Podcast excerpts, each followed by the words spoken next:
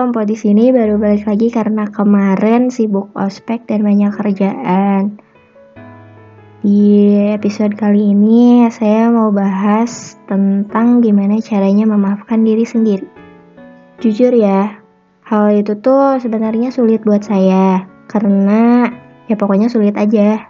Tapi katanya cara tercepat buat memaafkan diri sendiri adalah dengan mengucapkan terima kasih saya bakal nanya nanti sama diri saya sendiri dari kesalahan yang saya buat, hal apa yang bisa saya pelajari dan kalau mau belajar dari kesalahan yang saya lakuin, saya bakal terhindar dari jenis kesalahan yang sama di masa depan.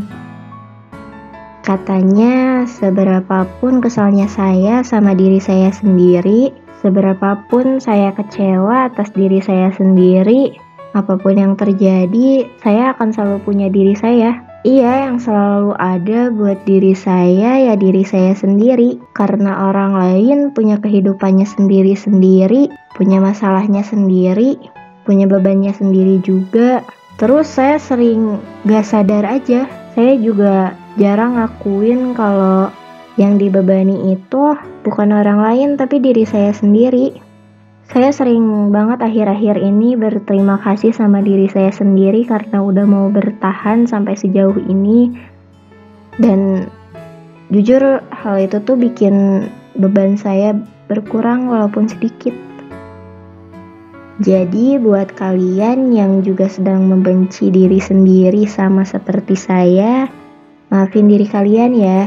Atau mungkin buat kalian yang ngerasa dibenci oleh diri sendiri, minta maaflah atas apa yang telah dan tidak kalian lakukan dan berterima kasihlah atas apa yang pernah diri kalian kasih buat diri kalian sendiri. Mungkin segitu aja karena cuma segitu yang pengen saya omongin. Saya harap kalian selalu sehat dan dapat kasih sayang dari banyak orang. See you di next episode.